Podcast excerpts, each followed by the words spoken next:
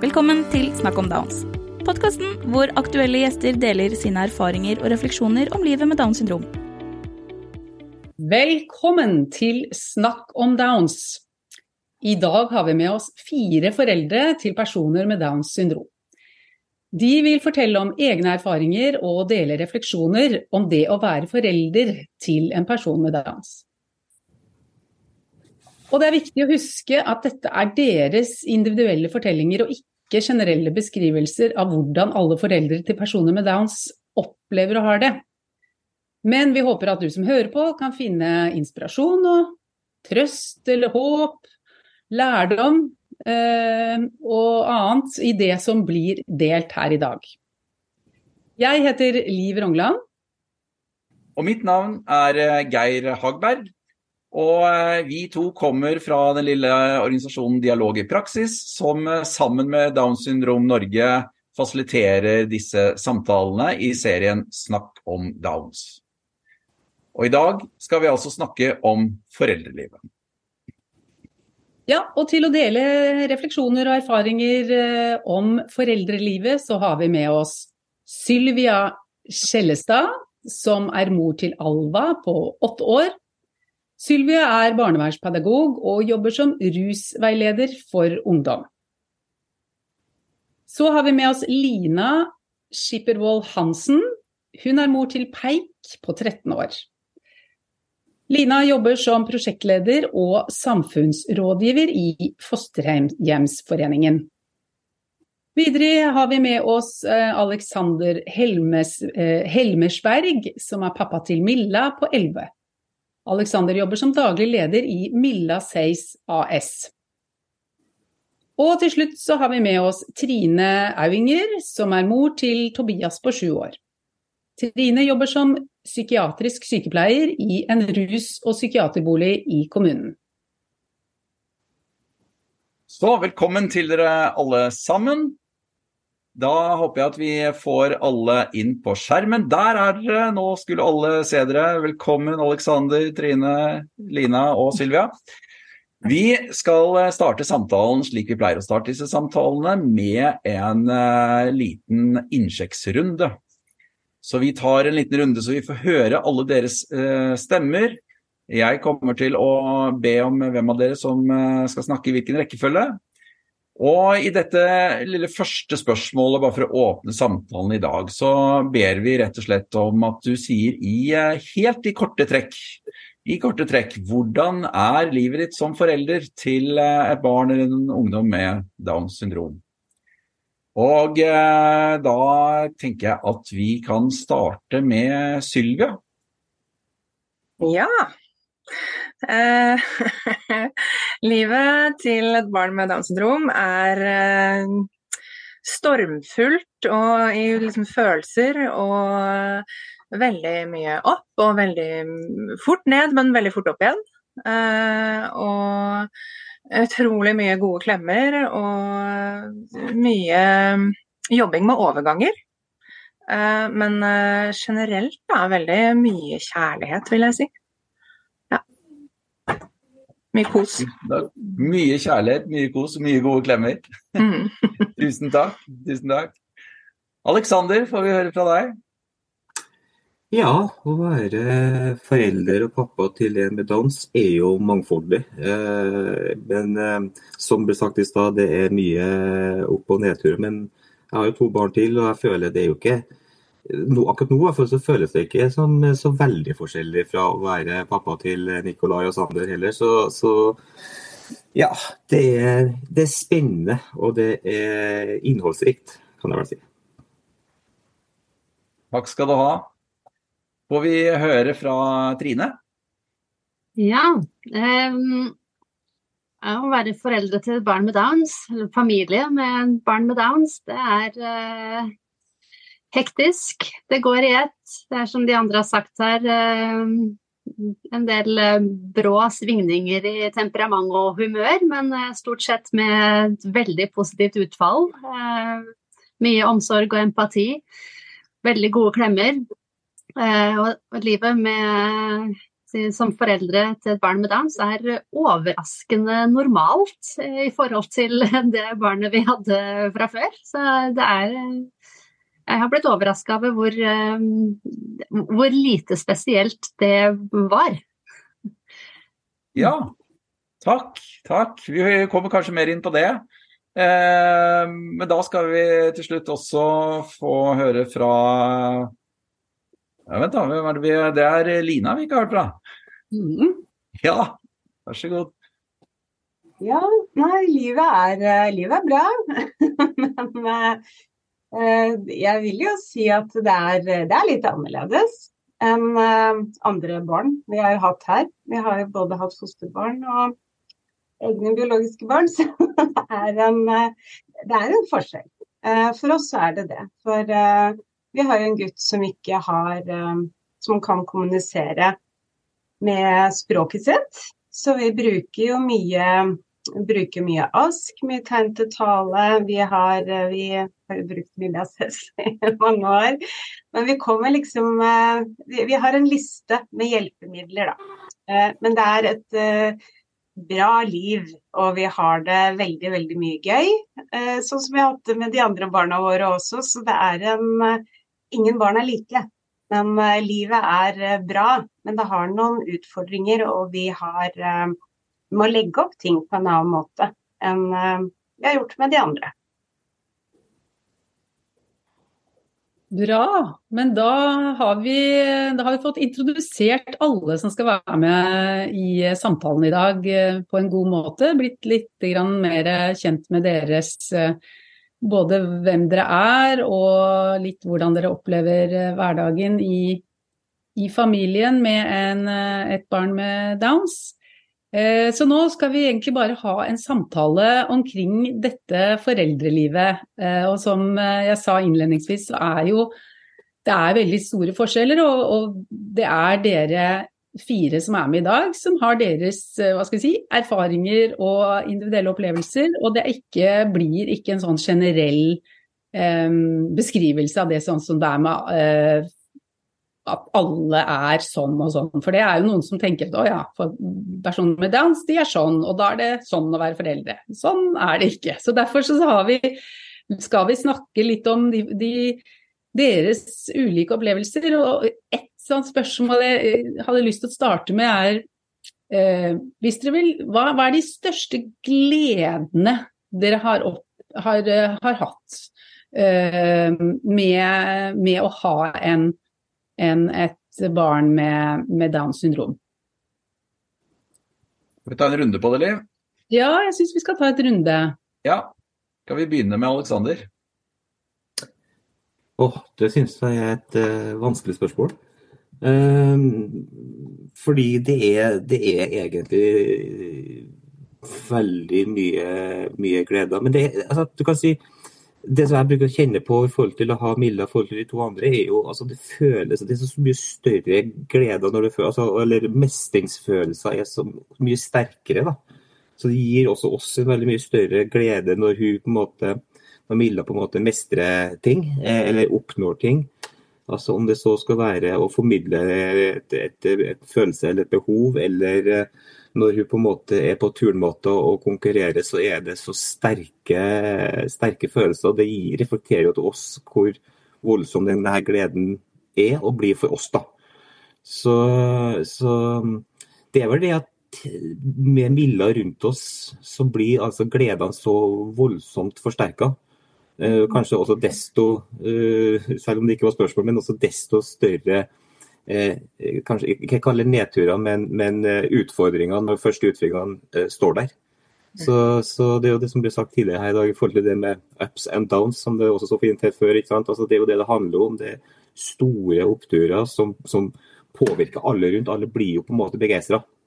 Eh, de der utfordringene dem er jo vi som foreldre som opplever som veldig store. ikke sant? Så det, det, De kontrastene er store. Så Det er vel kanskje kontrastene da, jeg vel kanskje poengtere som er, gjør ting så veldig sterkt. Mm. Mm. Hvem, hvem, har lyst til å fortsette noe der, eller bygge videre, si noe annet rundt eh, det med gleder spesielt? Jeg føler jo at Alexander sa det veldig riktig, jeg kjenner meg veldig igjen i det. Det er liksom de små tingene med Alva som bare 'Å, mamma, har du lagd denne maten? Tusen takk!' Og så bare er hun så altså Hun er så takknemlig for de små tingene og bare gleder seg så innmari overalt. Da. I dag skulle kanskje noen andre hente henne for de skulle på dans, og da er hun så lykkelig. Og så er jo da fallhøyden enda større når vi skjønner at nei, det er snør, vi får ikke gjort det. Og da går hun rett i kjelleren, og så bare Men vet du hva, vi kan gå ut og ake. Yes! Ikke sant. Det er bare åh. Og jeg står jo der og kjenner at nå gruer jeg meg til den formidlingen at det blir ikke noe av. Fordi jeg tenker at hun kommer til å bare gå helt i svart. Og hun går i svart, men i et liksom lite sekund før hun bare bryter ut i en ny glede. Det er jo fantastisk! Herregud! Så ja, det er ups and downs, da. Det er jo virkelig det. Jeg bruker det hele tiden, for jeg syns det er veldig ja, Det er sånn det er, da. Mm. Uh, ja. Så overgangene er, uh, kan være kompliserte. Det går fra store høyder til store dybder. Mm. Ja. Er det andre som Elina, ville du si noe? Det er ofte det som imponerer meg litt, da. Med flere av uh, de barna her, egentlig ikke bare peik, men det er det der å hente seg inn når uh, man blir skuffa. For jeg ser jo at uh, når han har gleda seg til bading eller støttekontakten har blitt sjuk, da. eller andre ting skjer. For det, det, skjer jo mye. Vi er jo avhengig av andre mennesker, og det blir sårbart. Men imponerende evne til å hente seg inn, selv om det mm, får jo noen ganske kraftige uttrykk, da. Og som Alexander sier, så er det jo vi foreldre som ser disse her kraftuttrykka, men uh, vi får jo også disse her uh, avsindige gledestinga, da. Med sånn nakendansing klokka seks om morgenen og rumperisting og i det hele tatt. Og det Ja, det er jo store gleder der. Jeg vil si det. ja, det høres gøy ut. Hva sier du Trine?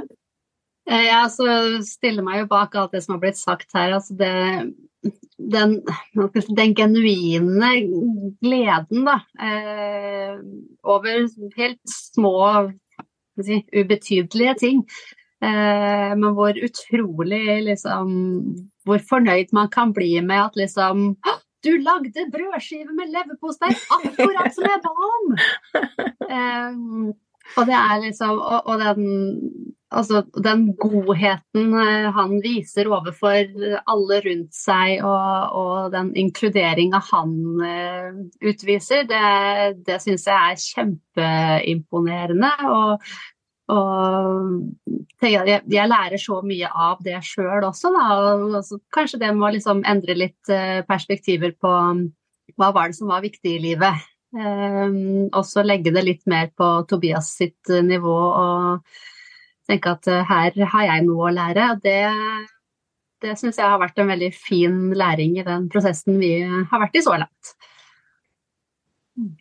Ja, for det er jo en, det er et veldig interessant eh, hva skal jeg si, eh, erfaring eller perspektiv, det der med at du kanskje får eh, en sånn Apropos, eller en sånn pekepinn på å lære disse gledene på de små tingene som vi kanskje glemmer ellers i, i hverdagen. Hvordan er det med søsknene i den sammenheng? Er det noen som vil si noe om det? Hvordan opplever de dette? Kanskje eldre søsken, eller jeg vet ikke. Hvordan, hvordan påvirker det søsknene? Alexander? Ja. ja altså, vi er jo så heldige at vi har jo en stor storebror og så har vi en li, veldig liten lillebror. Da. Så vi har på en måte begge perspektivene. Uh, uh, jeg, tror, jeg tror kanskje vi som foreldre er mer opptatt og bevisst på hvordan det skal påvirke i hvert fall her da, eh, søsknene. På at Milla eh, på en måte er annerledes og har vært veldig beskyttende på storebror i starten på at ikke han skulle ha eller kjenne på noe eh, ansvar. Eh, og, og, og ikke, ikke, noe pakke over eller, eller, dekke til, men for vi har alltid vært veldig opptatt av å, å formidle og, og, snakke om, om, Milla og hennes ståsted og, eventuelle Eh, utviklingssteg. Da. Men, eh, men jeg tror vi kanskje på en måte har vært veldig bevisste. Men, så, så vi har aldri sett noe spesielt på eh, verken storebror eller lillebror. Lillebror er jo mer forbanna fordi at han føler hun av og til slipper billigere unna ting. Eh, som mm. han på en måte forventes av. Og det, Der har vi også vært veldig bevisst at vi skal på en måte forvente det samme eh, av hun, og forholde oss til hun på samme måte som vi gjør både på lillebror og storebror. Men det er, jo, det er jo på en måte vi kan jo ikke gjøre det konsekvent, for det er ting hun aldri på en måte vil klare her og nå, som vi må på en måte tilpasse. Som på en måte storebror og lillebror på en måte ikke eh, opplever. da. Så, så, så Lillebror er nok den som har utfordret oss mest på akkurat det der med at Milla er, er, er, litt annerledes. Ikke fordi at hun er annerledes, men fordi at hun igjen da eh, slipper litt unna. Storebror har har vært litt mer passiv, men han er jo ufattelig tøff i, i, i de situasjonene da han møter det som også skal sikkert snakkes om litt senere, i forhold til samfunns, eh, samfunnet sine holdninger. Eh, der har jeg masse kommet som er, er både sterkt og rørende. så ja, jeg tror, jeg tror uh, viktig å være bevisste. Vi har vært veldig bevisste, for, for, det er definitivt en utfordring at søsken kan på en måte blir litt sånn tilsidesatt når du får et barn som, som har utfordringer. Eh, men, men, eh, jeg tror de fleste, i hvert fall her, da, går det veldig greit så lenge vi har en fin dialog og åpenhet rundt det. Er det andre som har noen erfaringer der? Si det er veldig gjenkjennbart. Ehm, det er Se, Her har vi jo en storebror på elleve. Det er jo selvfølgelig noen ting som er litt sårt for han. Eh, fordi han ønsker å være en snill og flink storebror som hjelper til med sånne ting som storebrødre gjør. Han vil hente lillebror på skolen og ta med seg hjem, men eh, lillebror vil ikke gå den strekningen hjem sammen med han, så han må hentes.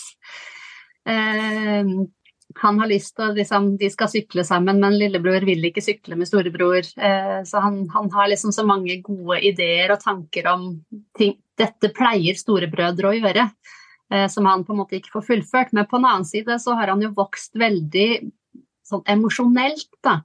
Eh, etter at Tobias har kommet inn i livet vårt. og han eh, tar jo utfordringer på strak arm på skolen. Han har holdt foredrag for både klassen sin og for, um, for de andre klassene når uh, Tobias skulle begynne å snakke om liksom, hvordan, hva er Downs syndrom og fra sitt perspektiv. Da. Og det passer jo kjempefint, fordi at kommer jeg og skal fortelle, så er jo jeg veldig ja, En ting er at jeg er sykepleier, men jeg er i tillegg voksen. Så jeg bruker eh, litt sånn andre begreper. Og det er klart at disse førsteklassingene de hadde jo dette ut for lenge siden. Men eh, når du får en femteklassing som kommer og snakker litt om eh, dette, så var jo det kjempefint. Og så fikk han jo så mye skryt, og han fikk svare på spørsmål. og Han vokste så mye på det, og det har han tatt med seg veldig videre i, i samvær også med, med lillebror. Da. Så at han, sånn, de dagene han blir veldig frustrert på at uh, lillebror slipper litt lett unna, så er det liksom Ja, nei, men det, det er bra for meg egentlig. Så fint å høre. Det, den opplevelsen han har hatt med å ja, fortelle om lillebror og så få så, så mye gode tilbakemeldinger og vokse på det. Så skal det jo legges til da, at han er jo en luring, han eh, eldstemann også. Så det er klart at når vi var på habiliteringa og, og, han fikk beskjed om at eh, ja, det kan være litt vanskelig å ha en lillebror med downs eh, noen ganger. Så det har jo han tatt med seg litt sånn i bakhodet, og bruker det litt innimellom når han eh, trenger litt fri fra skolen eller noe sånt. Og så sier han til læreren at du, jeg er så sliten av han her lillebroren min, kan jeg gå hjem tidlig i dag? Så, så det, det kommer noen fordeler ut av det også. Er det flere som har sånne opplevelser, at uh, det er søsken som bruker, uh, bruker dette litt òg? Vil ikke si at vi har vært der, men jeg vil si at det, det, vi har jo hatt mye eldre barn her, da, og ungdommer. Eh, og det har, jeg vil se som at det går i faser, dette her med egentlig både samspillet de har hatt med Peik, altså fra han var baby og frem til nå. Eh, og nå er de jo veldig store og voksne, disse her som da vokste opp sammen med han. Og uh, ser jo at de har litt sånn Det, er litt større avstand, og, men allikevel så er de jo nære. Uh, men de var veldig beskyttende når Peik kom. Og han som da bodde hos oss i fosterhjem, han var veldig tydelig og sa at For da hadde det vært mye som det er jo ungdommer da, ikke som sier tette ting som Og har fått en er det kommet en unge som er mongo og sånn. Og da reiste han seg opp og bare 'Det er broren min', og sånn snakker man ikke. Og så Det var vel første gang han gadd å si noe da foran hele klassen. Men da ringte hun gamle rådgiver Marianne, som er uh, sånn ordentlig gammel Gammel rådgiver. Hun har vært ute en vinter da før. Og gråt og gråt og var så rørt. Uh, så det setter jo i gang noe. Eh, men det har jo også gitt noen sånne fine verdier, tror jeg, til alle de ungene her. Eh, og så skal de få lov til, nå som de er voksne, og få komme og gå litt sånn som de vil. For det, er viktig for oss at eh, de ikke skal oppleve at det ansvaret ligger hos de. Det, det er en vanskelig balansegang, for vi føler jo litt på det. At vi gjerne ville hatt de litt mer der òg. Men jeg tror at man må la de få lov til å gjøre det der litt sånn naturlig. Og kjenne, få lov til å styre og sette de grensene sjøl. Det er viktig. Mm.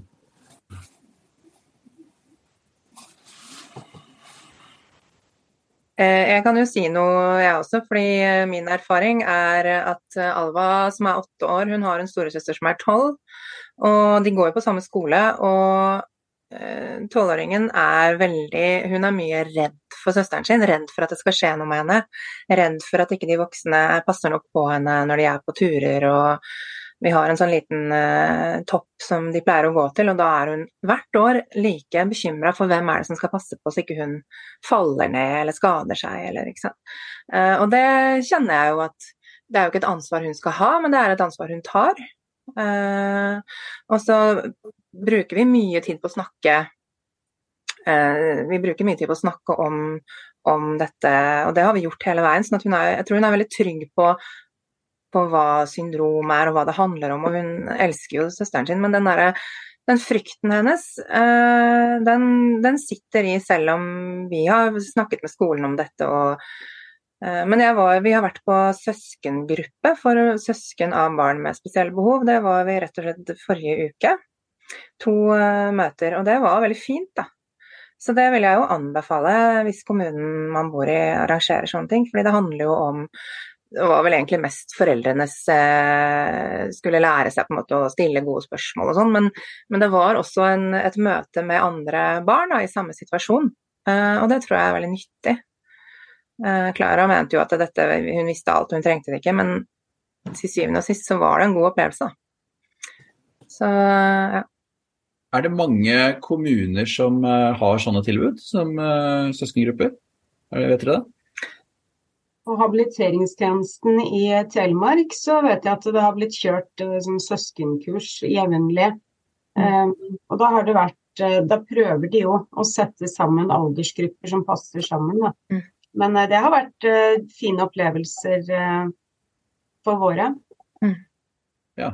Vest, Vestfold også har hatt uh, disse SIBS-kursa, som de kalles, ja. med jevne mellomrom. Så, men at det um, det, det, har vært litt vanskelig å gjennomføre, for det har vært litt få påmeldte. Eh, men om det er fordi det er litt få eh, som har passa inn i kategorien i Vestfold sånn sett. Men eh, det er i hvert fall veldig lærerikt for eh, han eldste å bare se at det er andre i litt samme situasjon, mm. selv om det var andre diagnoser som de var der for. Men det er liksom bare å vite at jeg er ikke den eneste.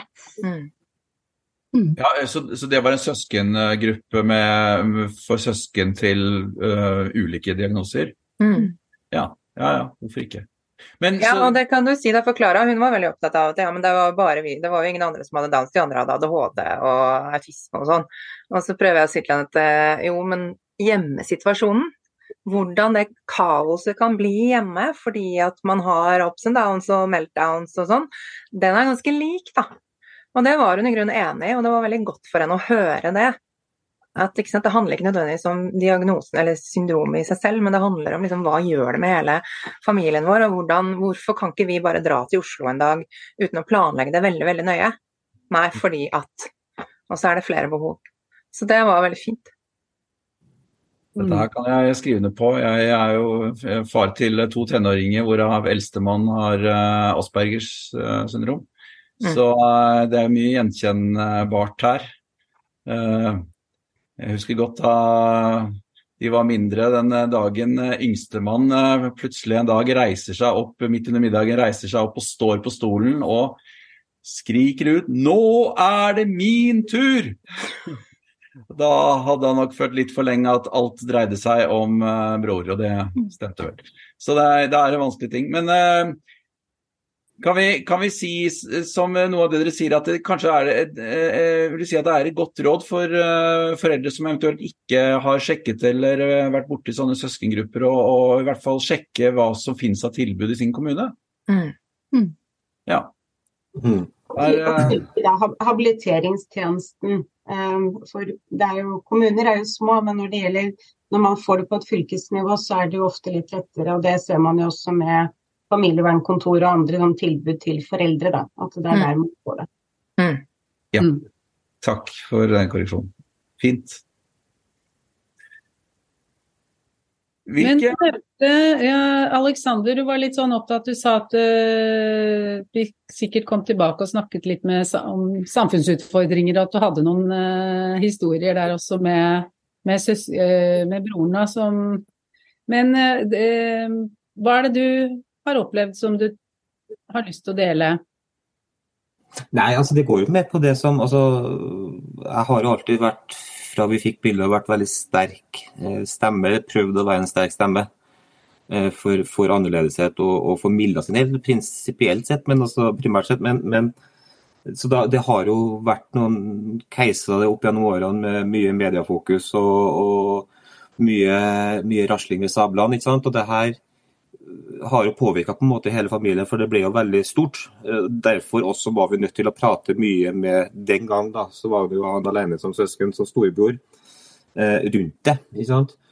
Og det gikk jo på det som, som, som, ble sagt her i forhold til bruk av ord i klasse, bruk av, av ord i, i, Han spilte jo fotball sant, i garderobesituasjoner. ikke sant? Altså det her, eh, det her mongoordet, eller er du helt downs? ikke sant? Det er liksom disse her Eh, begrepene som, som, brukes eh, i enkelte sammenhenger som, som, på en måte påvirker. Det her har jeg på en måte også vært veldig opptatt av.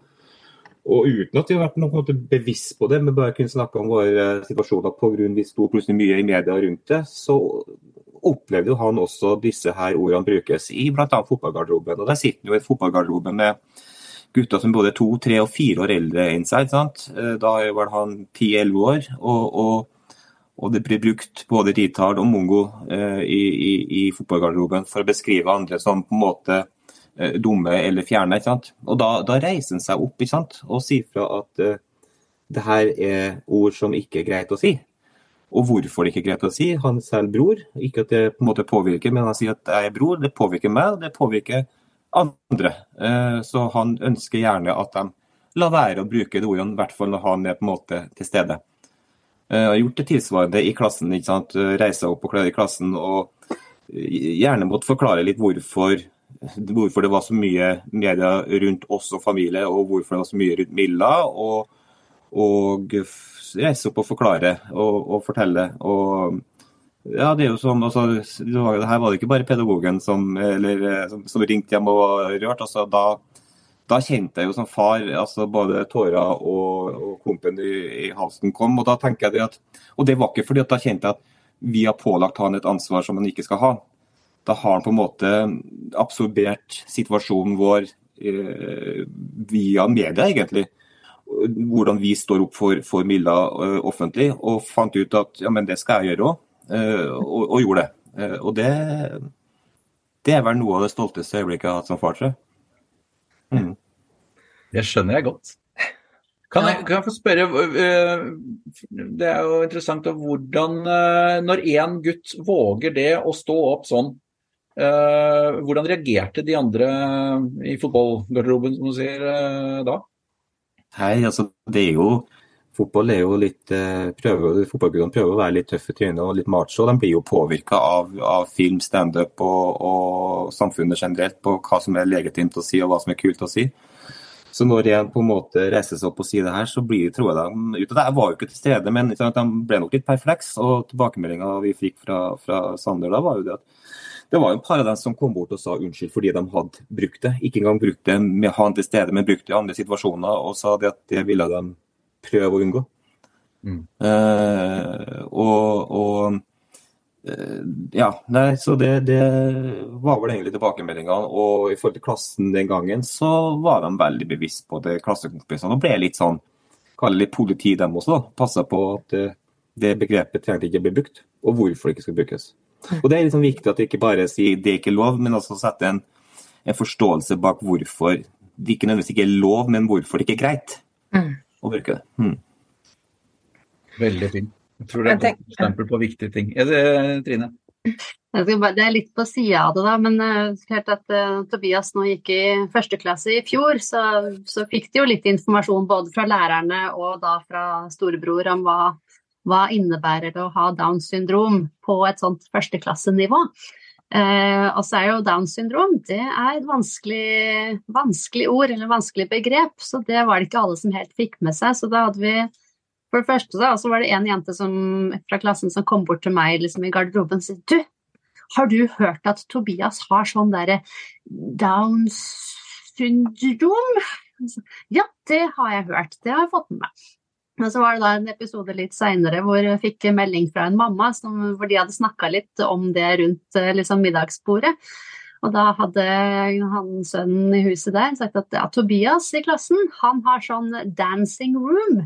Og det syns jeg var veldig fint, for Tobias er veldig glad i å danse.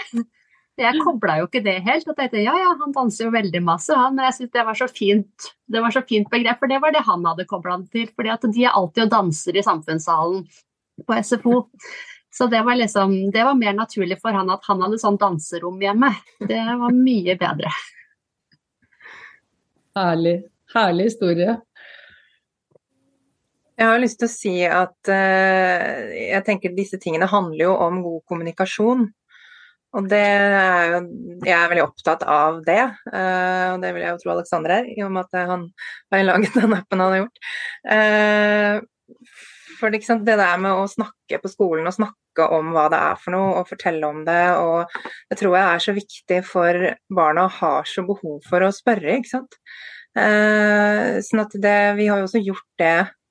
Eh, spesialpedagogen har snakket med Nå går lillesøster i første klasse, da har hun snakket med hele første klasse.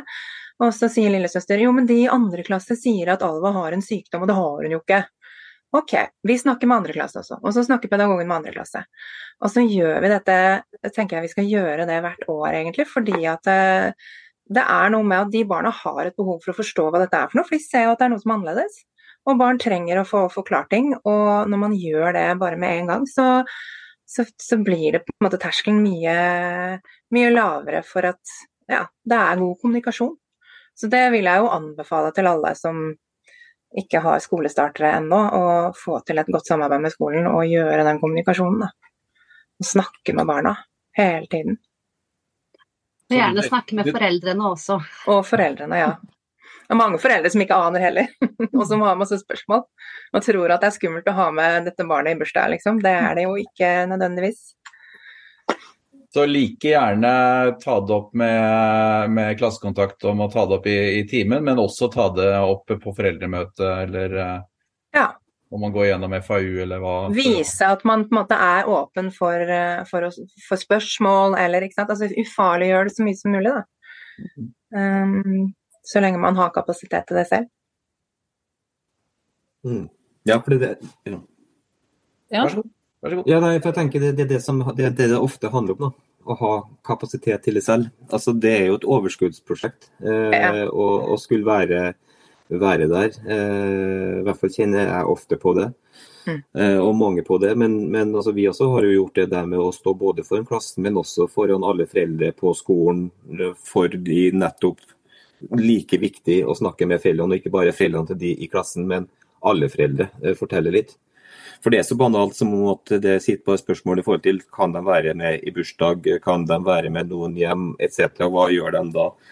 Eh, og Da er det jo egentlig bare å stille seg åpen til å svare på alle spørsmål, og åpne for at ingen spørsmål er dumme. fordi mm. de samme spørsmålene satt i hvert fall jeg med før vi fikk Milla, og den dagen vi fikk Milla, så var det jaggu mange av mine fordommer og frykter og sånt som eh, tok lang tid å, å, å, innse og bearbeide. og ja, så, så Derfor er det kjempeviktig å være åpen om at det er, det er ingenting som er feil, og det er ingenting som er dumt. Og så får vi heller si ifra hvis de skjærer litt skjevt ut i stedet, på en hyggelig, men en fin måte.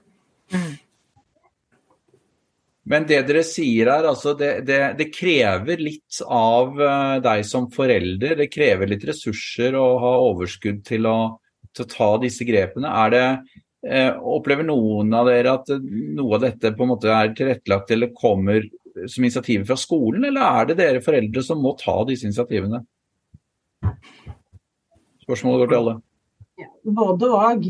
Eh, og så tenker jeg at eh, altså, ja, jeg og Aleksander har jo liksom det, kjent litt til hverandre i veldig mange år. Og det, det, er jo en Det tar veldig mye krefter, dette her å, å fronte og det der å stå og si fra hele tida.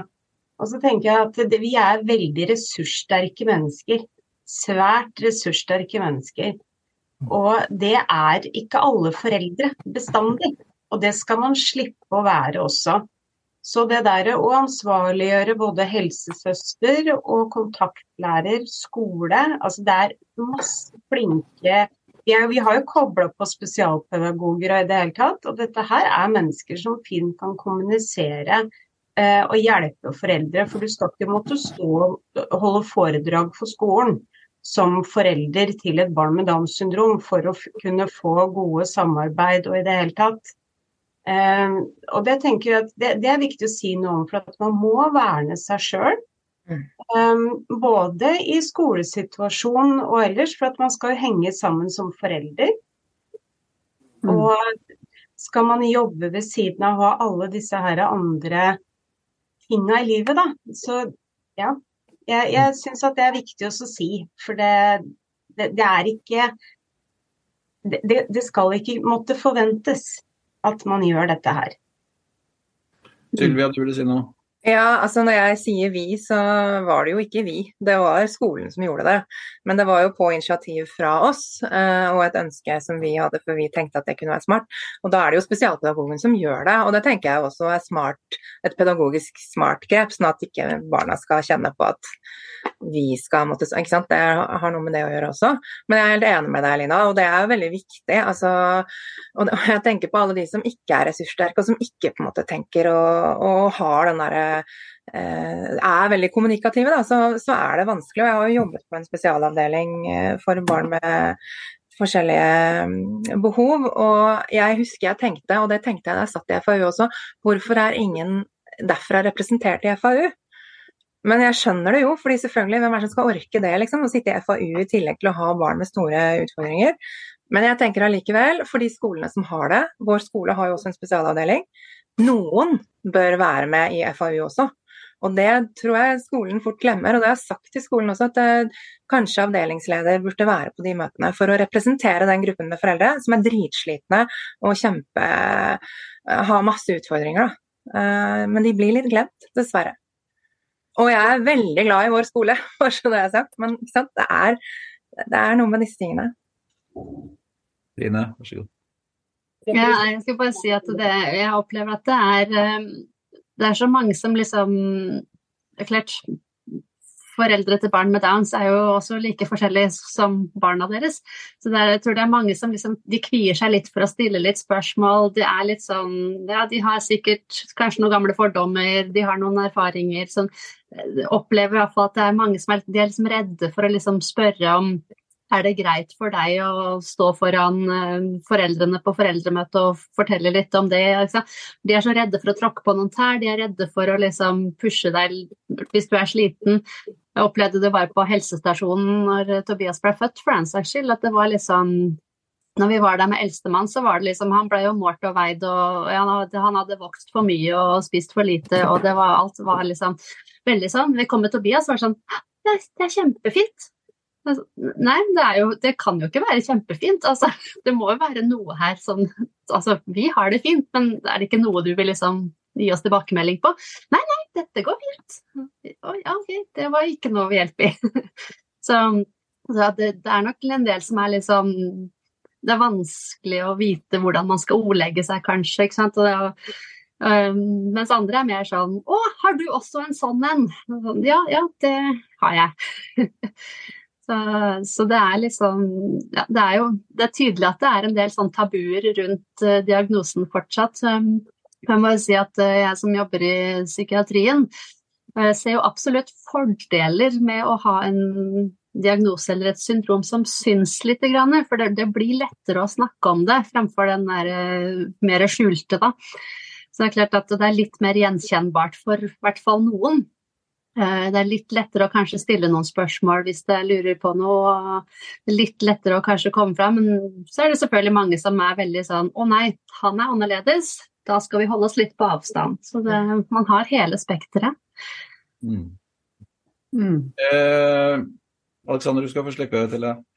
ja, nei, altså det var jeg synes, veldig mye bra sagt. Og, og, og, det som jeg på en måte slår meg litt, og som jeg på en måte prøver å få litt ut, er jo jeg syns det skulle vært stilt litt større krav til nettopp eh, skoler og barnehager. Jeg syns barnehager jobber nesten bedre enn skoler med å formidle. Eh, men, men, jeg skulle gjerne ønske at du ikke skulle ta opp det selv med eh, klasse eller skole om at kanskje kunne det vært en form for informasjon, av avmytifisering, muligheter for å stille spørsmål. Jeg skjønner at det er vanskelig, fordi det er vel vi som er best til å kunne svare på det. men men eh, jeg savner ofte, og det får jeg mye tilbakemeldinger Jeg har jobbet med Billåses i, i, åtte år og har eh, flere hundre samtaler på, på baken med foreldre. Og, og, savner litt mer engasjement og tiltak fra skolene på akkurat denne praten med, og, og ansvarliggjøringa og, og svare på spørsmål og ja, avskremme det litt. da. Mm. Så sitter jeg og lurer på en ting, eh, for dette her vet jeg ikke noe om hvis man eh, Det sitter noen, kanskje de som hører på dette nå eller, eller i opptak senere, men som, eh, som, ikke føler at de har helt de ressursene som, eh, til å ta denne praten, eller ta, gjøre dette med skolen, og, og skolen kanskje kvier seg. Finnes det noe Uh, å si materiell eller noe, Er det noen videoer, er det noe som, som, som skolen eventuelt også kan bruke i den formidlingen for, som hjelp, hjelper dem? Som, eh, er det noe sånt der ute som er bra? Som dere kan Jeg vet at uh, skolen vår har i hvert fall brukt noen av disse filmene fra NRK Super. 'Sånn er jeg', og 'Sånn er det'. det er disse, disse, filmene. Um, ja. Jeg tror det er flere forskjellige nå. Mm. Um, og den, de er jo helt OK. Ja. ja. Hyggelige, ja. liksom positive, fine filmer. Riktig. Jeg tror de er veldig... Gå inn på NRK og finn det. Mm. Mm. Ja. Og så kanskje si ifra da til, eh, til, lærere og de som er i ansvarsgruppa, at man gjerne vil at noen tar ansvar for det. Eh, og så er det jo De er mennesker, de også. Og så kan vi jo tenke at de er fagpersoner, så derfor eh, kan vi liksom forvente at dette gjør de med den største trygghet. Men eh, mm. det, det, det, det ligger jo nå en sånn usikkerhet og som det også ble sagt her, det her å ikke tråkke på tærne til andre.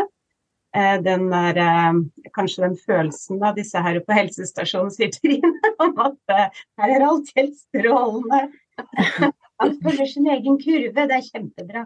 Ikke sant? Det, det er jo noe med at det er man Det er ikke rart, det. Og så skal det også sies at vi foreldre som har stått i press og hatt svært alvorlig syke barn over tid, og noen av oss har jo mista jobber og gått skikkelig på trynet. Eh, sammen med alt dette greiene her. Vi kan bli ganske fæle i kommunikasjonen vår. Så eh, det, det er ikke bare bare eh, å kommunisere med foreldre i krise. Men det går bra.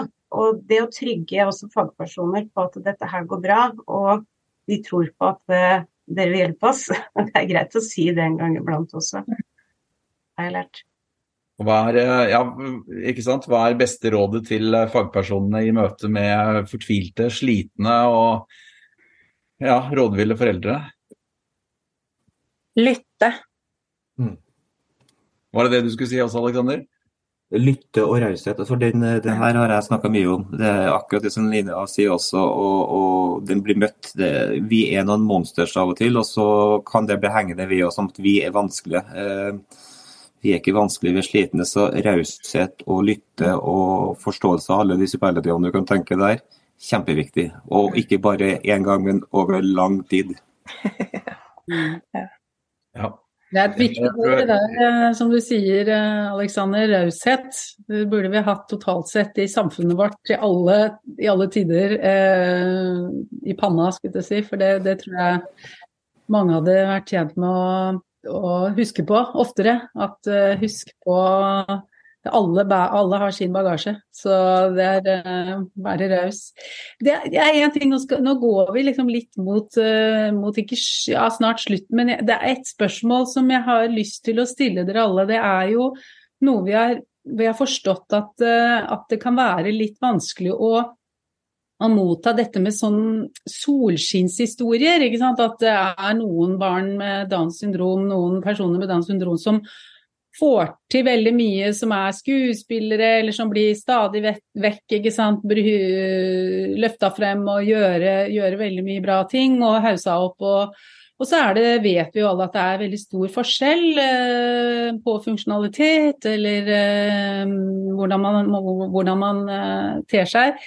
Eh, hvordan er det eh, med dette med solskinnshistorier i, eh, i miljøet, eh, synes dere? Har dere noen noe tanker rundt det? Alexander? Ja. Ja, altså, det er et kjempegodt spørsmål. Jeg tror alle har vært inne på de ulike forumene på Facebook. Og, og, det er jo det evinnelige eh, diskusjonen som skaper frustrasjon. Det er jo de her for og mot eh, om det skal deles solskinnshistorie eller ikke. Jeg tror det her eh, podkasten er altfor kort til det viktigste spørsmålet, egentlig, det her med solskinnshistorie. Fordi det er så mange faser, det temaet. Men, eh, men eh, det er det, altså, det går jo litt på egentlig på hvor du står selv eh, med ditt barn. Hvor i løpet er du på hvor du på en måte orker å takle og ta imot og lese om solskinnshistorier. Noen har jo på en måte mer utfordringer enn andre. og Med Downs syndrom som vi har om, så er det liksom fra 1 til 100 i forskjell på dem. Eh, og, og, alle er helt forskjellige.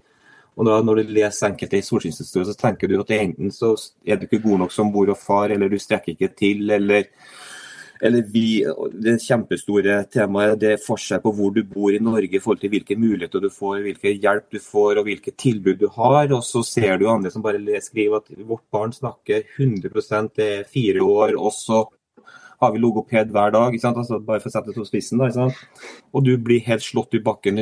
Hvorfor har ikke vi det? Og det skaper et sinne og frustrasjon. Og, og da er det ikke solskinnshistorier folk, andre foreldre blir på en måte sint på. De blir sint på at de ikke har den samme muligheten selv, tenker jeg da. Mm. En reaksjon på systemet, altså? Rundt det? Systemet, eh, eller systemet, så i hvert fall hvorfor har ikke vi de mulighetene?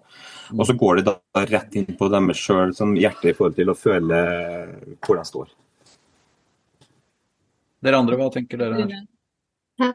Men der også er det jo litt med den ja, si, hvor, hvor, sliten man er uh, som forelder, og si, hvil, hvilken dag man har. og som, Prøve å porsjonere litt. For det er klart at uh, Downs syndrom som mulighetenes syndrom, det er jo kjempefint å på en måte vite at noen er i den enden av spekteret, noen er i andre enden av spekteret, og at det er, liksom, det er, muligheter. Men det er klart at det er ikke sikkert at akkurat min sønn skal bli skuespiller eller uh, rakettforsker. Ehm, jeg håper kanskje ikke at han skal bli rakettforsker, for det høres veldig slitsomt ut. Men, eh, men at, at han, skal, han, skal, få lov å lage sin egen solskinnshistorie med sine forutsetninger. Men det er klart så tar man seg jo stadig vekk i å liksom Man sammenligner litt med noen jevnaldrende, og så er det sånn ja, ja, han kunne sånn, og hun kunne det. Ja, det kan ikke han, men, men så kan jo han andre ting, fordi vi kjenner jo hele perspektivet. Vi ser jo hele han. Solskinnshistorie er jo bare en bitte, bitte liten del. Og det er klart, den blir jo fronta, ikke sant, så, så, står det jo ikke noe der om det vedkommende kanskje ikke får til like godt. Så det er jo det derre når du tar ting ut av, ut av perspektiv eller ut av liksom kontekst, da, så høres det kanskje veldig fantastisk ut, men, men det er jo flere sider av saken. Mm. Andre opplevelser? Eller tanker rundt dette? Jeg at det blir veldig synliggjort, da. Eh, i forhold til hva den enkelte familie og ja, hvor man bor, som Alexander sier. Det, det, blir veldig synlig når man leser sånt. Og det um, tror jeg er uh, Det hadde vært veldig fint å dekke mer av på et annet tidspunkt. fordi det, det er store geografiske forskjeller. Og barna er egentlig helt uh, prisgitt hvor foreldrene bor. Eh, og foreldrenes både bakgrunn og nettverk eh, og ressurser. Mm. Og det kommer vi ikke unna. Så det er, har man et utenforskap i utgangspunktet, og så får et barn med Downs syndrom, så vil jeg påstå at det oppleves nok svært mye sterkere. Mm. Jeg tenker jo at det er viktig med solskinnshistorier fordi at samfunnet vårt fremdeles ikke vet og kan nok. Eh, jeg tenker at det er viktig med solskinnshistorier som forteller om, om eh, barn og voksne med Downs som lever et godt eh, liv på alle måter. ikke sant? Det er kjempeviktig. Altså, Jeg har aldri sett på Tangerudbakken, men jeg ikke, liker ikke reality-TV. liksom. Det har jeg aldri gjort. Så jeg kan ikke si noe om det. Men jeg tenker at det, folk med downs i media, ja takk, så lenge det er positivt. Og så liksom, og så, og så, får vi på en måte Men det er jo viktig å huske på å snakke om og tørre å snakke om det som ikke er solskinnshistorier også. Det som er slitsomt, og det gjør vi jo i dag, og det er kjempeviktig. Men jeg tenker at så lenge jeg hvert år må få en bekreftelse fra min lege på at Alva fortsatt har Downs syndrom, for å få logoped og for å få liksom, det jeg skal av PP-tjenesten og sånn, så er, liksom, så er vi ikke kommet så veldig mye lenger, da. Sånn at det er samfunns... Eh, ja, det er store Det går sakte. Og da trenger vi solskinnshistorier til å dra lasset liksom videre. Så vi trenger Det var overraskende å høre, syns jeg. Det du sier der om at hun har bekreftelse ennå etter så mange år. Det... Ja. Det er, hun, hun, har stadig Downs syndrom, det går liksom ikke over, det. det... Har, ikke dere fått, har ikke dere fått den sprøyta, dere? Nei. Fått mange sprøyter, det kan jeg fortelle. Men altså, det, det, dere, det, det, er viktig å høre solskinnshistoriene, eller høre disse historiene om, om, ting som er bra også. Gjør det likevel det at de kommer frem, gjør det det noe vanskeligere å dele historiene om at det ikke alltid er så bra, eller at det er tungt? Tenker at det kan være litt sånn belastende også. Da. Eh, det er jo en grunn til at vi forteller disse historiene som er bra. Eh, Peik han hadde utstilling på et galleri her eh, hvor vi bor for 14 dager siden. Med tryllekunstner og konsert og disko i det hele tatt, og fantastiske bilder i lokalavisa. Og det er fint, for det er jo noe vi har lyst til å fortelle og få ut. Men hans medisinske utfordringer og hva vi strever med med eh, Nav, skole, språk, eh, flere sammensatte tilstander. Ikke sant? Det, det, er ikke Hvorfor skal vi dele det der? Eh, så, så det, det, må jo være man, Vi som foreldre må jo også se dette her i kontekst, ikke sant? Mm. Vær så god, Alexander. Jeg vil bare si at det, det, det er kjempeviktig at solskinnshistoriene deles, for å ta det først. Eh, fordi det viser mulighetene, det viser, viser mangfoldet i, i, i, i selve Downs syndromet. Uh, og så tror jeg det at uh, det er nok de som på en måte har det tøffest i vårt miljø, de har heller ikke overskuddet til å kanskje dele det. Så det, det er nok tidvis vanskelig å dele utfordringer, for det er ingen som liker å være sutrete. Altså det, det, skal være Om ikke perfect, så, så, er det i hvert fall det hyggeligere, alltid hyggeligere å fortelle noe som er kjekt, eh, enn det som er vanskelig. Og det som ofte er vanskelig å dele, det er så krevende og så mange, mange faktorer i det at det, det blir for voldsomt å skulle dele. Mm. Er dette litt uh, At det kanskje ikke er så veldig annerledes enn det er uh, i alle andre områder i livet? Jeg ser jo, Det er litt sånn på sosiale medier, det er veldig få som deler når det går dårlig. Det er stort sett de fine bildene når alt er bra. Uh, det er det vi liker å dele, og det andre er litt tyngre å, å sette ord på. Men det er, viktig, det er viktig å dele det som er bra for alle de som kanskje skal få et barn og som bekymrer seg og som ikke kan og vet. ikke sant?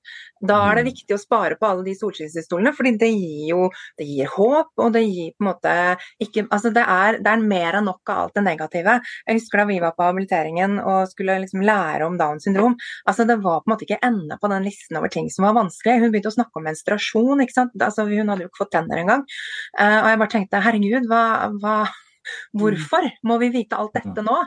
Og min mann han valgte å ikke lese noen ting, egentlig, for han ønsket bare å lære henne, altså vårt barn å kjenne. Og det tenker jeg også er på mange måter veldig veldig lurt. Uh, man har forskjellig tilnærming, men det er så viktig med det håpet. da. Uh, nå har det jo skjedd ganske mye bra på de siste åtte åra, vet jeg. Hele den der Veslas koffert kom jo rett etter at vi fikk uh, Alva. Og jeg kjenner Altså, de skulle jo virkelig fått Nobel pris omtrent for det arbeidet de gjør også. ikke sant? Det er jo kjempeviktig. Eh, men ikke sant? vi må ha litt håp, og vi må ha litt sånne solskinnshistorier. Det er viktig. Men vi må også ha tilgang til å få lov til å klage og sutre også. Eh, det er ikke mm. sutring, det er bare ventilering, og det trenger vi som voksne. Og vi trenger å ventilere med andre enn partnerne våre også nødvendigvis, fordi det merker vi at det, vi er litt sånn Vi kan være litt ulike på de tingene, da. Um, for jeg mener, at, jeg mener, at, vi må anerkjenne den dritten vi står i når det er dritt, liksom. Uh, mens han tenker at ja, men dette bare takler vi. Og så tenker jeg nei, vi, det er annerledes i vår familie enn andre familier. Det er mer. Og det må man noen ganger, tenker jeg, stikke fingeren i jorda og kjenne på, da. Um, men så hører jeg jo at andre kjenner på det hele tiden. Sånn at, uh, men det er jo fordi vi har forskjellige barn, da. Mm. Har dere, det er viktig det du sier. Unnskyld. Ja, nei, jeg bare lurer på om det For det er så viktig det du sier, eh, syns jeg, Sylvia, med å ha steder der dere kan ventilere. Har dere det nå i dag i miljøet? Og så er det sånn Er det uh, forum eller uh, grupper eller uh, møter eller sånn Ja, hvor det, hvor det er tilrettelagt for å kunne snakke? Åpent og ærlig og lufte ting, som du sier. Ventilere rundt, da? Trine? Ja, vi har jo i hvert fall eh, Rundt om i Norge så er det jo disse lokalforeningene. Nå heter de jo litt forskjellig, men de som tidligere het Ups and Downs, og noen steder heter det fortsatt. Eh, hvor du i hvert fall kan treffe altså, familier i muligens tilsvarende situasjon. Men det er klart, da har du jo hele spekteret innafor, uh, der også. Men da har du i hvert fall altså, Da er det jo veldig sånn diagnosespesifikt, så du fall, det er mulig å gjenkjenne mye av det som eh, er av frustrasjoner, samtidig som man får en større ja, man, man får litt, litt, mer perspektiv på ja, ja, hva gjør mindre barn, hva gjør større barn med samme, samme syndrom. Eh, og så er det jo klart, så er det jo, finnes det jo ulike sånne sosiale mediekanaler, altså Facebook-grupper innafor en viss aldersgruppe man kan uh, spørre litt rundt. og da, da, treffer du jo mer de nasjonale forskjellene. at uh, som du sier at noen har logoped hver dag, og noen får ikke det før de blir ti. Så, uh, og det å på en måte få lufte de frustrasjonene litt og litt sånn, ja, at det skal være så tilfeldig hvor barnet ble født, i forhold til hvilke tjenester de får tilbud om. Ja. Lina? Alle familievernkontor i alle regionene tilbyr eh, kurs som heter Hva med oss?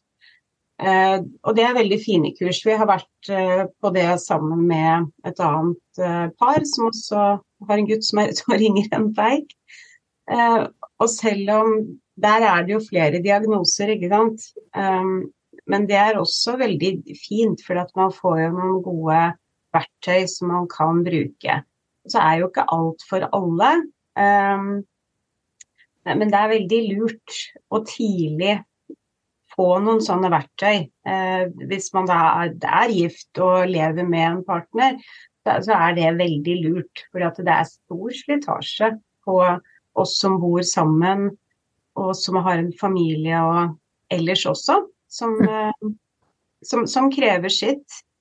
Så det å få litt hjelp da, til disse her, eh, litt sånn gode strategiene når eh, huet koker og mm. du har lyst til å hive alle sammen, egentlig, det, det er lurt. Det skjer. Vi kan jo eh, oppfordre Downs syndrom Norge til å legge ut lenker til ulike sånne ressurser og hjelpesteder et eller annet sted rundt der denne podkasten og videoen blir liggende. Så de som hører og ser på og trenger det, kan finne noe mer informasjon. Mm. Vi eh, skal gå eh, mot eh, slutten. Jeg syns vi har dekket en del, men det er sikkert, kunne sikkert pratet i mange timer og mm. gått enda mer spesifikt inn på enkelte temaer. Ja, vi har sikkert, som du sier, kunne hatt sendinger på noen av disse temaer, eh, temaene, sånn solskinnshistorien og alt som vi kunne ha hatt én og én sending på. Så vi har mange ideer til nye, nye podkaster nå. Vi kan jo spørre nå som vi har uh, dere her, liksom, hvilke, hvilke, temaer uh, uh, ville dere og, og tenk da dere var kanskje nye som foreldre, Eh, til et eh, barn med Downs. Eh, hvilke temaer var dere da mest nysgjerrig på, eller undret over, eller trengte hjelp på? Jeg, jeg, var veldig opptatt av det med kommunikasjon allerede da hun var baby. Eh, og jeg husker jo jeg leste boken til han, pappaen til eh, Madikken. Eh, og så hadde jeg en venninne som hadde et barn med Downs, så hun, hun uh, satte meg tidlig på sporet av logopen. Og fordi jeg gjorde det også, så begynte jeg med tegn til tale. Uh, da Alva var åtte måneder. Og det, det var Det er jeg utrolig glad for at jeg gjorde det. For det har vi på en måte Jeg tror det har gjort hennes Altså det hjalp henne veldig. Det hjalp oss veldig. Hun lærte seg å gå på do da hun var to år, og det var fordi hun klarte å si fra. Fordi hun kunne det tegnet. Mm. Uh, det, og det har, jeg, det har, jeg, vært litt sånn Det tenker jeg er veldig, veldig viktig for alle som kan få til. Og, og, så er det ikke alle som syns at det er like naturlig. Jeg synger veldig mye for barna mine, sånn at å kombinere det med altså tegn og sang var for meg veldig Ja, det var veldig lett. Uh, og da er veien ganske kort da, til å bare gjøre dette en naturlig greie. Eh, og det, det var jo sånn at barnehagen begynte å bruke tegn også, og de andre barna også begynte å lære seg tegn og kunne snakke hjemme før. Altså det var, så det var veldig ja, Jeg er veldig forkjemper av tegn til tale. Uh, og vi, vi, brukte jo Milla Cess også, uh, prøvde å få det til, og så ble det liksom Ja. Kan snakke om det en annen gang, Aleksander. du tok klisjeen i egen hånd, Aleksander, og, og, faktisk laga noe når du av din frustrasjon, egentlig? Eller noe du syns manglet? Ja, det var jo egentlig det samme som eh, Sylja sa her i stad. Altså, det var jo det, det, var jo Når du først på til det store spørsmålet hvordan ender det her, og så har du liksom fått bort det at det må vi ta steg for steg, så var det jo selvfølgelig kommunikasjon vi, vi var mest sånn både nysgjerrig, skremt, spent, alt på. Fordi vi visste jo det at det å få Downs syndrom, da er du født med forsinka verbal tale. Og så er jo det store spørsmålet hva er forsinka? Hvor lenge er forsinka. Og der lærte vi jo selvfølgelig etter hvert at eh, det er jo veldig forskjellig. Men, men, men, det store spørsmålet var kommunikasjon. Og, og, vi sto i den frustrasjonen når Milla var tre år, for vi var heldige å komme i barnehage som, der de brukte tegn til tale rundt hver dag. Og i løpet av tre år så hadde vi tre-fire ringpermer med hennespråk, altså skisser av tegn. Og, og, og, og, vi klarte ikke å følge hennes språk, hennes tegn. Eh, vi klarte ikke å kommunisere med barnehagen på hva betyr det tegnet, og laga egne tegn fordi vi ikke hadde tegn. Og fant på det amerikanske engelske tegn for det hun gjorde, og laga særlig ut fra situasjoner som er naturlig innenfor tegn til tale.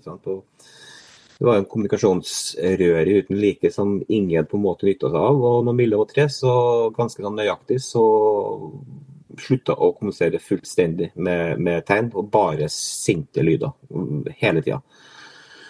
Så da, da, skjønte jeg at her måtte vi gjøre noe, og da bestemte jeg meg for at vi måtte lage si det enkelt da, vi måtte lage en plattform der, der, der språkmiljøet, oss rundt nettverket, lærte å skjønne Milla. Altså, vi gikk på tegn til talekurs eh, titt og ofte. Kurs, da glemmer du ting, det er det ene. Men det var ikke nødvendigvis alltid Milla sine tegn, det var ikke Milla sitt språk. Så da sa jeg opp jobben i, i, i 2014 og tømte sparekontoen og fikk noen crowdfunding-penger og laga første versjon, og, som var en veldig, veldig, veldig enkel versjon med masse utfordringer og mangler. Men sånn er det når du gjør det sjøl, og ikke en tekniker, så blir det utfordring med, det. Men, men, men, samtidig for de som på en måte skjønte og, og klarte det, for det handler om å klare det. Teknologi er ikke nødvendigvis gitt alle. Så, så funka det for oss, så funka det veldig vi kom tilbake til den tralten at når barnehagen jobber med tegn, så la de inn filmer på det. Og når vi laga tegnemidler, så la vi inn det, og så fikk alle i nettverket samme informasjon. Og Det er jo liksom det det starta med i dag, er jo det en mye mye større plattform med, med mye mer muligheter. Men, men ja. Øh, kommunikasjon det er kjempeviktig. Og logoped kjempeviktig. Tegn tale er kjempeviktig. Jeg skulle gjerne ønske at øh, det var enda mye større fokus på det rundt Downs syndrom og kommunikasjon og mange, altså ulikhetene og ikke altså, hadde, hadde jeg sagt til meg sjøl nå ti år tilbake i tid det her kommer til å ordne seg, ta det med ro, pust med magen, ta steg for steg, så hadde det nok vært mye roligere. ikke sant? Eh, fordi du må bare anerkjenne at ting kan ta lengre tid for din del enn for andre. Noen klarer fort, og noen klarer sent, og noen klarer det aldri. og Da er tegn tale et kjempevirkemiddel. For det handler, om, det handler om at ditt barn skal få kunne klare å ytre sine følelser, behov, ønsker. Ja. Mm. Takk. Så kommunikasjon der også, to ganger det. Hva med Lina? Selvfølgelig kommunikasjon. Vi, vi, har hatt mye helseutfordringer, så vi har liksom stått veldig opp i det og vært veldig sånn i krisemodus i uh, egentlig mange år. Uh, så, men så er det den der erkjennelsen da, på at uh, det, det, går bra. Det går veldig ofte bra. Og det der å hvile litt da, i den derre Altså la de der bekymringene få lov til å slippe litt. Eh, la deg sjøl få lov til å glede deg over det som er. Eh, og så gjøre noe med det du kan gjøre noe med. Eh, dette her med, med venner, språk, bekymringer, videre helseutfordringer i det hele tatt. Er det bra, da? Ikke sant? Noen uker, så nyt de ukene. Det, er liksom det, det er da jeg har hatt det best. Når jeg har klart å finne frem til det. Man klarer ikke det hele tida, men når man klarer det, så, så, går det litt bedre. Og så vil jeg si det at det å få ha kunnskap om hva man har rettigheter til i arbeidslivet når man har et kronisk og alvorlig sykt barn over tid, eh, og når man har et barn som sannsynligvis vil være mer borte fra skolen, så skjer det noen sånne Det er noen overganger, ikke sant. Når barn er tolv år, så eh, må du søke til Nav eh, med en eh, attest fra legen på at du sannsynligvis trenger flere omsorgsdager. Og det går relativt automatisk, men du må gjøre det. Mm. Eh, og da får du 20 dager selv, og så har også da den du bor sammen med 20 dager. Og da får arbeidsgiver de pengene tilbake. Det er sånt som er viktig å vite. Eh, fordi vi trenger ofte litt fleksible jobber, da. Eh, når vi har det sånn som vi har det hjemme. Mm. Takk. Takk. Viktig. Rettigheter mm. og, og, dette med helseutfordringer og, og forhold til eh, altså helse, skole og Nav. Ja. Eh, Trine? Nei, nå er det jo mye av det sagt allerede. Som sier, siden når Tobias ble født, så hadde jeg veldig sånn Jeg hadde et veldig langsiktig perspektiv. Eh, og var liksom i gang med å planlegge og hvordan kommer det til å gå på skolen, og hvordan skal han få seg jobb, og alle disse bekymringene, og møtte mine egne fordommer litt i døra og litt sånt noe. Men eh, det er kanskje det noe jeg har lært kanskje lært mest sjøl, da. Altså sånn det underveis som vi har blitt litt kjent og blitt, uh, blitt vant til å være den familien vi er. Det å, å, å, være litt her og nå. Tobias er veldig her og nå. Han er veldig flink til det. Og, og på en måte ja, bremse litt. At det er ikke så innmari hastverk bestandig. Vi, det, er, altså, det er jo alle disse milepælene, men om de kommer denne uka eller om et år, er det det som er viktig. Uh, altså, ja, at tar den, det tar den tida det tar. Uh, og klart at det kan være kjempefrustrerende at noen ting tar veldig lang tid. Jeg har vært ferdig å ha bleiebarn uh, i hvert fall fire år nå, men min sønn har ikke slutta med bleier av den grunn. Så, så, det er liksom Men bare det å tenke at ja ja, men det er da andre ting man kan fokusere på når det er noe som ikke, ikke fungerer. Og så skulle jeg ønske at det var litt mer um, altså gjennom hjelpeinstansene, hvor man kunne på en måte samkjøre litt mer. For jeg opplever jo at det er mange som um, uh, de, de, tror de vet hva downs er, altså i barnehage eller skole eller Ja, men jeg kjenner jo en som har downs, så da kan jeg alt om det. Um, og derfor så trenger ikke jeg å gå på kurs i tegn til tale. Fordi det gjorde jeg for ti år siden.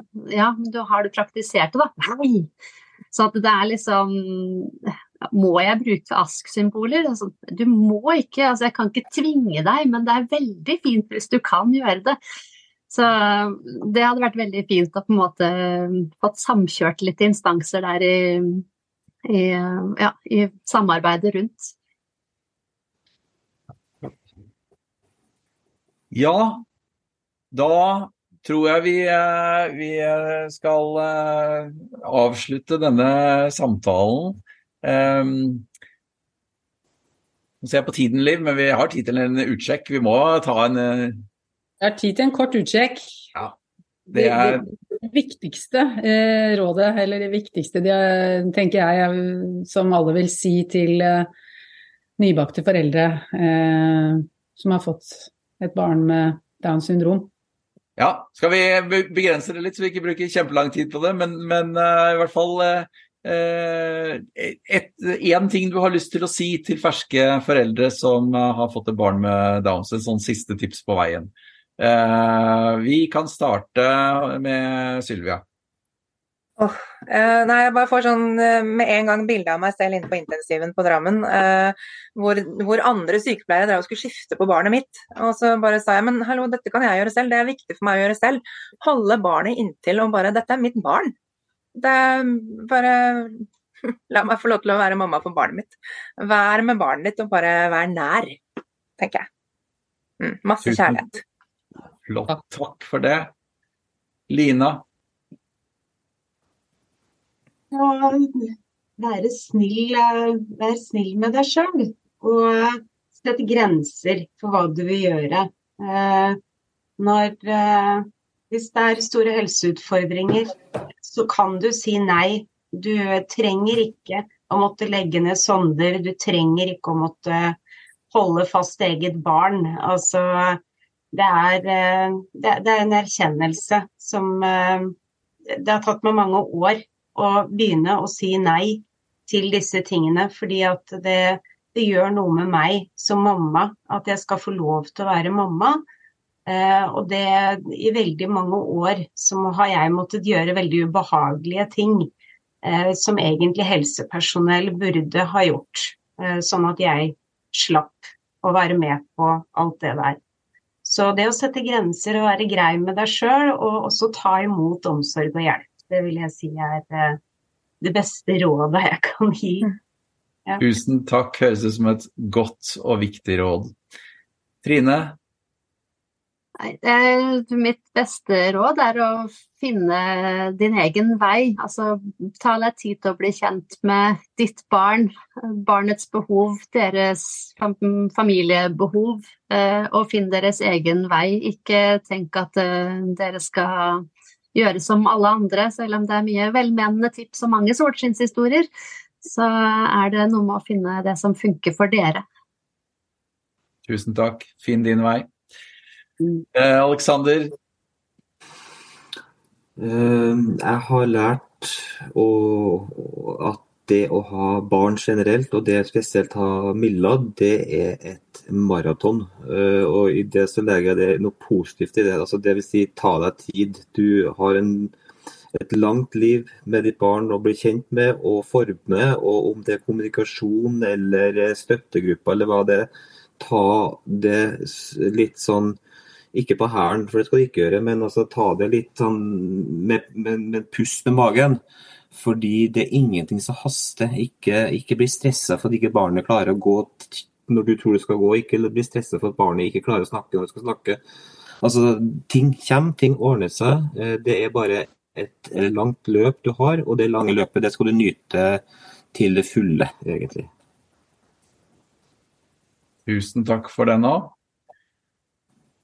Da lar vi det være siste ordet i denne samtalen, som altså har handlet om foreldrelivet. I neste episode av Snakk om Downs så skal vi snakke om søskenlivet. Og da er det søsken som kommer til å sitte her sammen med oss, Liv. Ja. Så du finner uh, mer Du finner hele serien på nettsidene til Downs syndrom i Norge. Uh, så tusen takk til dere som har deltatt i samtalen i dag.